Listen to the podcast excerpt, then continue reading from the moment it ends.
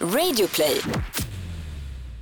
Alltså jag kommer ju ihåg biologiboken från högstadiet.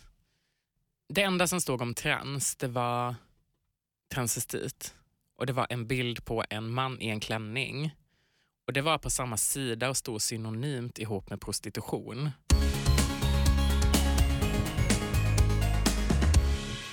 Hej Tobias! Hallå Anton! Nu är vi tillbaka för ett nytt avsnitt av Regnbågsliv.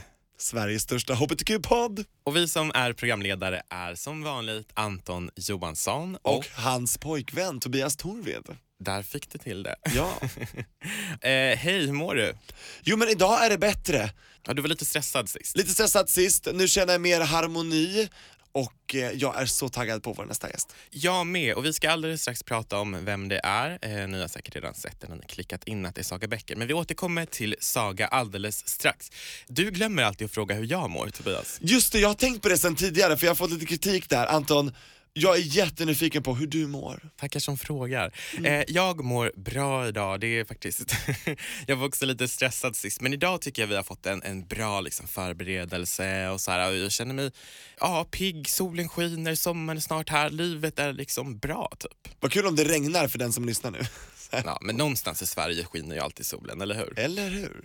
Ja, nej, men nog babblat mellan dig och mig. Vem är veckans gäst, Tobias? Det är som du sa, den gränslösa, obegränsade kreatören, konstnären, skådisen, prisbelönt för sina insatser. Jag säger bara Guldbagge. Saga Bäcker! Wow! Ja. Fick jag med allt? Jag tror du fick med allt, fast vi, kan, vi får fråga Saga om hon vill fylla på med lite mer. Ja, för det finns mycket mer på G. Ja, Men men det kommer du, vi till sen. nu slutar vi babbla och tar in Saga i studion.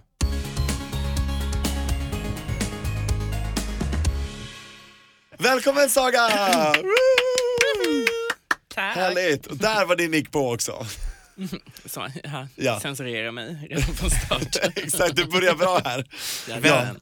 Smakar kaffet bra? Ja, Välkommen Saga till Regnbågsliv. tack. Hur mår du idag? Jag mår jätte, jättebra. Jag har haft sån himla magproblem typ. Den senaste, för jag har stressat så himla mycket. Och nu idag typ är första dagen där jag inte har det. I'm Ja. back. Ja, you're back. Ja, det är så härligt att ha dig här. Du Ja. är faktiskt en väldigt önskad gäst ifrån Kul. folk som har skrivit på vår Facebook och även Instagram, där vi också heter Regnbågsliv. Ja, vi är flera som har skrivit på vår Facebook-wall och vi har också flera som har skrivit privatmeddelanden både på Instagram och Facebook att de vill ha med dig. Vad tror du det beror på att du är så populär? Eh, för att jag är ständigt aktuell tänker jag. Jag är ju aldrig lugn. Jag, jag är alltid igång med något projekt. Eh, och eh, ja, nej, men jag har väl varit ganska så här mm, bra på att ge mycket av mig själv. Eh, men att inte kanske berätta 110 procent så att det finns alltid någonting mer att hämta. Typ. Och det är det vi ska göra nu, eller hur? Jajamän. Ja, för Ja. det finns ju väldigt mycket att prata om och jag tänkte om vi ska börja någonstans så vill jag fråga dig Saga, när kände du för första gången att du inte identifierar dig som kille? Det är nog ganska tidigt ändå. Men jag tänker så här, för att jag har börjat prata med ganska många vänner nu, att jag minns inte så jättemycket av min barndom. Det är jättehemskt. Var den bra eller dålig eller? Nej, alltså den, den var väl bra, en vanlig så här barndom. Eh, I Blekinge? I Blekinge, ja. Eh, jag vet inte vad det var för dialekt jag fick. Det var inte från Blekinge. Ehm, nej men jag, ja, men det var väl ganska tidigt så här jag märkte, så fort jag märkte så här samhällets normer och strukturer på det, att jag inte ville leva upp till dem. Eller det kändes pressande för mig. Ehm, vad man får göra, hur man får se ut, vad man får ha på sig, ehm, vad som förväntas av en av omgivningen typ vad man leker med när man är liten, eh, vilka man leker med i skolan. Så det var ganska tidigt jag märkte. Ja. Så vad hade liksom en yngre Saga på sig och vad lekte du med då? Och liksom... Nej, men alltså jag lekte ganska tidigt med dockor, och så här feminint kodade lekar. Ja, Har du en tydlig liksom, komma ut-process som du kände att du gick igenom? Först liksom var det under högstadiet men då räknades jag, eller såg mig själv som gaykille. Liksom. Eh, och jag behövde väl aldrig komma ut som det utan det bara skedde naturligt. Eh, och det var väl ingen som höjde på ögonbrynen eller tyckte det var konstigt. Sen var det väl mer en komma ut process när jag var 19 och skulle komma ut som trans. Där jag själv liksom ha, hade kommit underfund med liksom, det här är jag, det här är så jag vill leva mitt liv. Och det var väl en större process eh, att byta ut byta ut sin garderob plagg efter plagg, att låta håret växa ut, att sminka mig mer. Jag har alltid sminkat mig liksom ända sedan jag var 15 ändå. Liksom. Så det var inte heller någon så här stor grej. Vad var det första steget du tog för att liksom komma ut som trans då? Men dels var det väl så här typ första gången när jag verkligen tog på mig så här jättefeminint kodade kläder. Då var det liksom kort kjol och liksom hela balletten. Liksom. Och det var, ja, nej men jag bara märkte väldigt tydligt att det var liksom det var skillnad eh, från omgivningen. Hur sättet som eh, människor behandlade mig efter det. Det var liksom så här, ja, men helt plötsligt var det vissa som inte pratade med mig. Vissa som inte hälsade, vissa som låtsades att de inte kände mig. Så det var så här väldigt, väldigt konstigt. Jag kommer ihåg hur bristfällig information som jag fick om hbtq-frågor när jag gick i skolan. Mm. Eh, Pratade man någonting om transfrågor på din skola? Alltså jag kommer ihåg biologiboken från högstadiet. Det enda som stod om trans, det var transvestit. Och det var en bild på en man i en klänning. Och det var på samma sida och stod synonymt ihop med prostitution. Och det var en kvinna i ett rött ljus i ett fönster, typ. Så det, det var det enda jag fick höra. Och det, personen som jag pratar om som går i skolan nu, det är ju inte bättre nu. liksom. Det ser precis likadant ut idag som för nu är det mer än tio år sedan jag gick i högstadiet. Liksom. Jag tog studenten för tio år sedan. Och det ser liksom inte bättre ut idag. Och det blir liksom så här, vi kan läsa om ryggradslösa djur i två veckor. Och sen ska vi ha sex och samlevnad också i två veckor. Så att det blir så här, jag bara, ja, det är väl ganska mycket som behöver förändras tänker jag. Att vi liksom lär oss hur man kopplar ihop ett batteri eller vi lär oss sådana grejer men vi lär oss inte hur vi ska bete oss mot människor eller hur vi ska sköta våra relationer i livet. Det är synd att skolan inte tar ansvaret, då får ju man själv ge sig ut i internets läskiga värld typ, där man kan hitta allt möjligt. Ja, gud, internet alltså. Ja. Ja. Men samtidigt så är det ju också så att på något sätt så borde ju ändå samhället komma med de här grundläggande kunskaperna. Och när du säger samhället menar du skola då? Alltså institutioner? Så. Ja men inte bara skola utan så, sjukvård Precis. och så vidare. För Men jag, också föräldrar. Ja, det är ja. väldigt mycket så här, allt, allting läggs på skolan, vilket är väldigt fel. Föräldrar, sluta lär er barn skit. För det börjar ju där. Det börjar där. Det som sägs vid kaffebordet hemma är det farligaste. Och det har ju orsakat mitt självhat väldigt mycket. Liksom. Vad som sägs liksom på raster, på grejer och i skola och hemma. Och... Men också vad som sägs i media. Alltså det är ju massa grejer. Det har ju blivit så pass normaliserat. Eh, just den här dagliga transfobin eller så här hbtq-fobin liksom som finns i vårt samhälle. Och den finns ju där hela tiden. Jag ser den varje dag. Ni måste ju också se den varje dag. Liksom. Mm. Och att den är så pass normaliserad att ingen bara, nej, nej men det är okej att tycka så. För att det är så vi är uppväxta. Ja, men det, det är så det är. Och jag tycker det är jätte, jätte hemskt för att det skapar ju liksom det var ju det som gjorde att jag startade ett sånt stort självhat mot mig själv och att min resa att finna mig själv var så himla lång och svår. Eh, Just på grund av att jag inte hade förebilder. De grejerna som handlade om trans, när det var prostituerade eller psyksjuka eller skämten i allting som man såg. Och Det är klart att jag då tar avstånd från det för att jag inte är en av dem. Så det, ja, det är så jävla sorgligt bara. Ja, du kom ju i kontakt med transvården, eh, när exakt var det? Det var... År, år vet jag inte riktigt. Men jag tror att jag var runt... Jag var 19-20 däromkring när jag kom ut. Så du hade tagit Eh. studenten, du var liksom fri. Ja, och jag hade flyttat. Ehm, eller jag kände så här, allting var ohållbart. Jag hade kommit till, liksom, till en punkt där jag hade börjat självskada mig själv så otroligt mycket. Ehm, och jag var tvungen liksom att ja, men nu kommer jag ut som mig själv eller så tar jag mitt liv. Det var så allvarligt. Det var verkligen, det var verkligen svart eller vitt. Jag brukar säga så, ingenting är svart eller vitt, men här var det verkligen så. Eller jag kände så inombords. Och det var ju så här, det tog jättelång tid liksom, innan jag vågade ringa och ta kontakt med öppenvården. Liksom. Det, jag tror att det tog en vecka innan jag ens vågade ringa ett samtal och liksom säga orden till någon. typ. V- vad var du rädd för då? Ehm, nej men jag vet inte, jag är så rädd. Alltså man har ju hört så himla mycket grejer. Personer som blivit illa behandlade. Man bygger upp en så här inre rädsla tror jag. Men också att man, att man är så himla sårbar under en sån tid och en sån process. Och jag fick världens finaste bemötande av den personen i telefon. Men då sa jag liksom att då, man är tvungen liksom att kontakta öppenvården så att de kan skicka en remiss till sexologiska mottagningen. Och eh, jag blev jättefint behandlad av den här personen i telefon och sa men det är ganska långa köer, bla bla bla. Men att de skulle skicka en kallelse till öppenvården. Och jag bara, mm, jag mådde otroligt dåligt. Jag sa jag är suicid, jag, är nä- jag mår sjukt dåligt och skadar mig själv. Och jag fick en kallelse efter några dagar. Så då stod jag i kö två eller tre månader för att träffa öppenvården. Det är länge va? Det är jättelänge om man är så här. Och det är inte bara att jag kom i kontakt med sexologiska mottagningen utan det var bara öppenvården. Ehm, jag lyckades hålla mig vid liv i tre månader. För hur skadade du dig själv liksom? Så. Jag använde sex som självskadebeteende, jag svälte mig, jag började skära mig igen efter att jag hade haft ett tre års långt uppehåll i det. Så jag började skada mig själv igen. Jag blev också utsatt för eh, sexuellt våld av eh, några personer under den tiden också. Där jag tvingades göra saker som jag inte ville. Oj, var det Ehm. nära personer eller var det bekant? Nej, det var okända. Ah. Eh, jag bara okända, som att det inte var någonting. Men, eh, ja. Ah. Ehm, men det var mycket liksom som var runt omkring i mitt liv.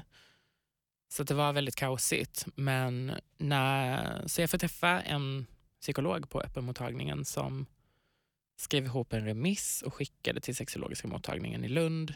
Ehm, så var det bara att vänta på en kallelse.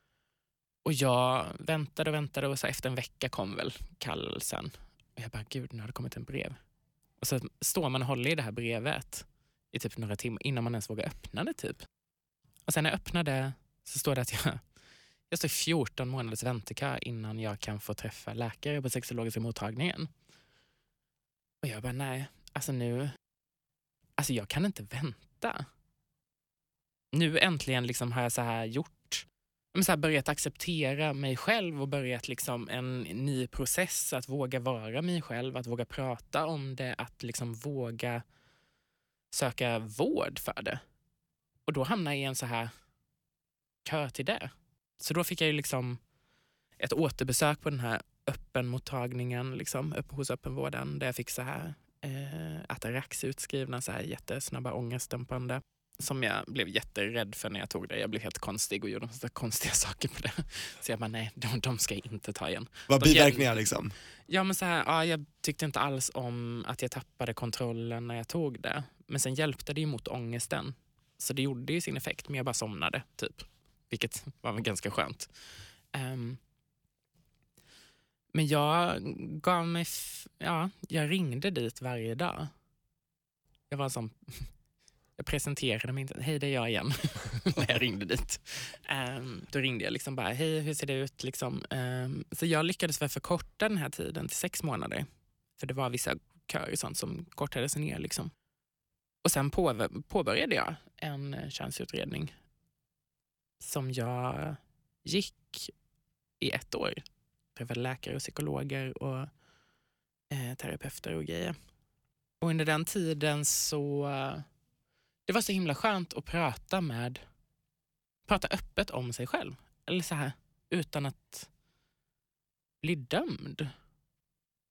För ja, men just bara att kunna vara ärlig om vem man är. Det var det skönaste tycker jag, att påbörja den här utredningen. Men också att man går igenom, jag bearbetade så mycket saker i mitt eget liv. Så här, man pratar väldigt mycket om barndom och om hela sin uppväxt och skola. Och, och det var så himla skönt att sätta ord på saker som jag känt inombords men inte kunnat prata om. Och ehm, Det var väl det bästa med hela den processen tycker jag. Men sen fick jag rollen i Någonting måste gå sönder också i den här vevan. Så efter ett år så avbröt jag min utredning. Den var väl färdig och jag tror att jag fick en diagnos. Jag vet, jag vet inte. Jag bara, ja, ja, ja. Slängde de Jag, papperna? jag är mig själv. ja, exakt. Ehm, men så jag avbröt den för att jag känner att nej, det här är inte rätt just nu. Sen vet inte jag hur det kommer bli i framtiden, men just nu känner jag att jag, det räcker att min omgivning beter sig mot mig som, som jag vill att den ska göra. Så det, var ju, det viktigaste för mig var det sociala. Eh, att jag blev erkänd som den jag är. Så jag avbröt den och har levt som jag gör fram tills dess. Eller tills nu liksom. Ehm, Vi har ju nämnt tidigare din prisbelönta prestation som Sebastian och Ellie i filmen Någonting måste gå sönder 2014. Och det var ju ditt stora genombrott. ja. Hur kommer det sig att du eh, kom med i filmen? Eh, det var ju ganska ovanligt, för att det var ju faktiskt en öppen casting, vilket är ganska ovanligt i Sverige. För det kan vara så här, slutna castingar där det är liksom castingbyråer som eh, ja, men, plockar in folk som de tycker. Liksom. Så det var faktiskt en öppen casting. Um, för jag hade läst boken och tyckte den var helt fantastisk. Och kände liksom, jag hade precis kommit ut ett år tidigare. Jag var skitförbannad, jag var skitengagerad, jag var trött på samhället och jag bara... Jag hade liksom inte en tanke på att jag, jag aldrig skådespelat. Och sen bara, ja men jag tror så. De sista pengarna på kontot, bokade en biljett, gick på casting och gjorde jävligt bra ifrån mig. Var det så här callback? Eller var det bara där, på plats fick du reda på att du får? Nej, jag, jag spelade mot Iggy som också spelar Andreas i filmen första gången. Ehm, och Han var väl i stort sett klar för rollen. Och Sen hade vi en till casting där jag var uppe i två dagar. Och sen, jag tror Ester ringde mig på julafton det året och sa att vi vill jättegärna jobba med dig. Ehm, Var det bästa julklappen? det var det.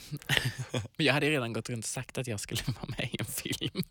Oh, vad skönt att hon ringde då. Älskar det, själv, det självförtroendet, hur härligt som helst. Ja, så jag bara, ja. Men det var likadant när jag, Guldbaggen. Alltså den var ju i januari. I december när jag var hemma så på juldagen och alla, alla går ju ut på juldagen. Liksom. Det är så här återvändarkväll. Liksom.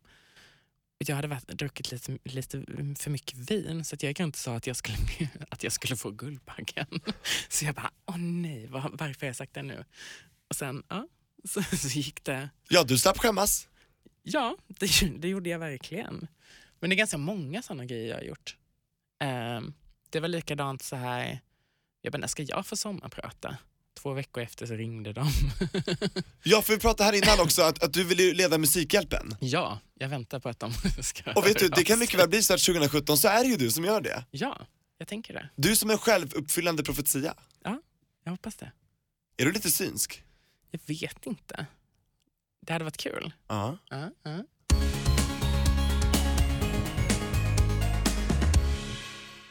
Psykisk ohälsa är ju som vi varit inne på tidigare väldigt vanligt, dels i samhället i stort men särskilt hos eh, transpersoner och vissa undersökningar visar ju att mer än varannan transperson har övervägt att ta sitt liv.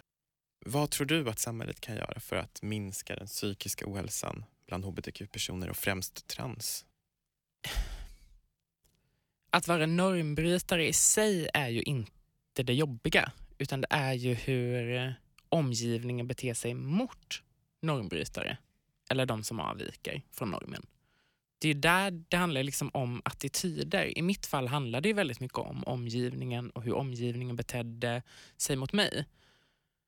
Och liksom att vissa känner sig nej men att de känner liksom sig berättigade till att kalla människor grejer eller att uttrycka sin åsikt. Jag bara, det, är, det är inte okej eh, att bete sig illa. Eh, det handlar väldigt mycket om okunskap och det handlar liksom om att folk vill vara rent av elaka mot andra människor. Eh, att inte visa förståelse, att inte möta människor, att inte bekräfta människor.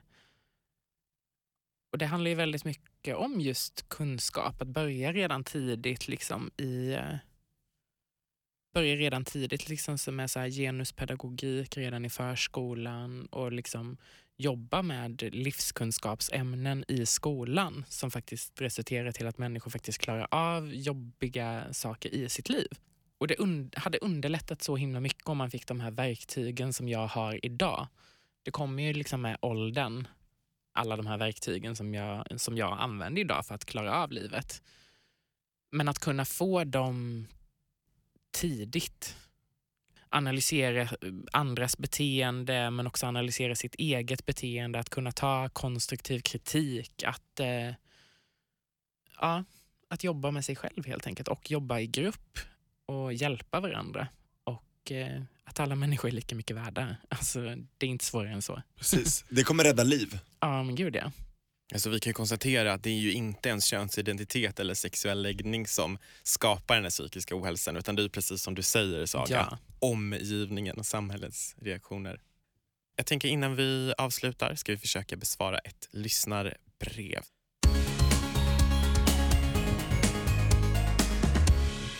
Hej Anton, Tobias och gäst. Jag älskar er podd. Jag har länge identifierat mig som kille fast jag föddes som tjej. Jag bad min mamma lyssna på avsnittet med Vanessa Lopez och efter det berättade jag att jag är trans. Hon tog det så himla bra men säger också att hon inte förstår. Hur kan jag stötta min mamma så att hon lättare förstår mig som 13-årig transkille? PS. Om ni svarar, kan ni göra det så att ni svarar till min mamma så kan jag be att hon lyssnar. Kramar från Filip. Om vi börjar med dig Saga. Vad tänker du? Hmm. Hej Philips mamma. Precis. börjar vi med. Eh, men jag tror att i ett sånt här fall så tror jag att det viktigaste är att prata väldigt mycket, att föra en dialog. Eh, att du kan ställa frågor till ditt barn. Att samtala, att vara nyfiken, att vara... Jag tror nyfikenhet och eh, dialog är det viktigaste. Jag ställ kanske inte de dummaste frågorna, men äh, är det frågor som du faktiskt undrar, för en diskussion och prata. Sen finns det jätte, jättemycket litteratur och film man kan titta på. Man kan gärna titta på dem tillsammans. Eh, Någonting måste gå sönder. Någonting måste gå sönder kan man absolut kolla på. Jag vet inte om Netflix fortfarande har någon sån här hbtq-flik. Det borde de ha Anton, eller? Du gillar ju... Men jag tror de har en, eh, en hbtq-flik liksom, eller tag som man kan Uh, filtra på. För, då, alltså, för det finns ju jätte, jättemycket man kan titta på som har just med transtema. Eh, och titta på det tillsammans och diskutera och prata. Liksom. Och sen måste man, jag tror att det viktigaste också är att tänka att, att allting är individuellt. Det finns ingen så här... Det är ju ofta som en minoritet att man marginaliseras eller klumpas ihop, att allting blir likadant.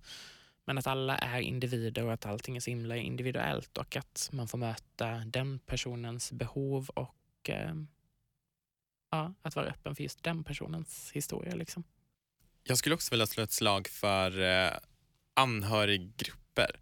Jag tror att det kan vara ett bra sätt att eh, hitta stöd i andra föräldrar som har genomgått samma process. Jag vet att till exempel RFSL har eh, någonting som heter Transanhöriggruppen. Eh, vad tänker ni om det? Ja. Jätte, jätteviktigt. Eh, för det är många som behöver just det stödet.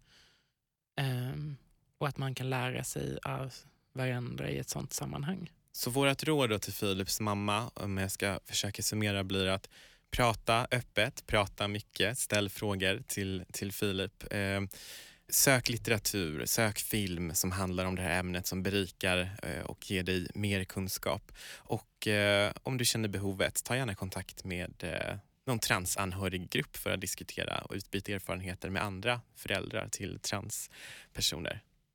Ja, det finns Ja. en jättebra bok som heter I mitt namn av Moa-Lina Kroall. En bok om att vara trans som är jättebra. Där finns det jättemycket förklaringar om med begrepp. Den är liksom uppbyggd med en massa olika intervjuer med olika transidentifierade personer. Så det är väldigt brett och det är väldigt olika typer av personer som är med och där kan man få jättemycket så här kunskap och personliga historier vilket jag tycker är så här Fakta och eh, personligt berättande är det viktigaste tror jag. För då kan man sätta det i perspektiv som man kanske inte kan om man bara läser faktatext. Liksom. Åh, nej men vad bra. Det känns som att vi har gett ett bra svar måste jag väl säga själv till Philips mamma. Ja. Väldigt utförligt. Ja. Varsågod och tack för att du skriver in. Ja, och både Filip och Philips mamma, ni är självklart jättevälkomna att höra av er och uppdatera oss på hur det går. Lycka till. Tack Saga Bäcker för att du besökte oss idag i Regnbågsliv. Tack för att ni ville ha mig här. Och då är frågan, vem tycker du att vi ska ha här i podden framöver? Beatrice Eli eller Silvana kanske? Om ni inte har hörde Vilka haft drömgäster. Vi har, nej, vi har inte haft Nej. dem. De, ja, de Tänker du tillsammans eller var för sig? Det är ju kul om ni har båda två älm, fast de funkar bara li- separat också. Eh, men de är väldigt intressanta. Och vi ska säga det, Silvana och Beatrice är fortfarande ihop. Ja, jag tror det. Ja, Ja. jag tror också Sen, det. senast jag hade... Ifrån dem. Ja. Ja, tusen tack Saga Bäcker för att du besökte Regnbågsliv idag. ja, men tack själva. Jag vill påminna dig som lyssnar att du lyssnar bäst på Regnbågsliv i Radio Play-appen. Och angående Radio Play så vill vi passa på att tipsa om en podd som heter Mordpodden. Mordpodden är en podd som förmedlar verkliga mord på ett berättande sätt. Och genom att programledarna också diskuterar fallen så skiljer sig Mordpodden från andra poddar inom den så kallade true crime-genren som fullständigt har exploderat på poddhimlen. Så det är ett hett tips från Regnbågsliv. In och lyssna i Radio Play-appen. Tack för den här veckan.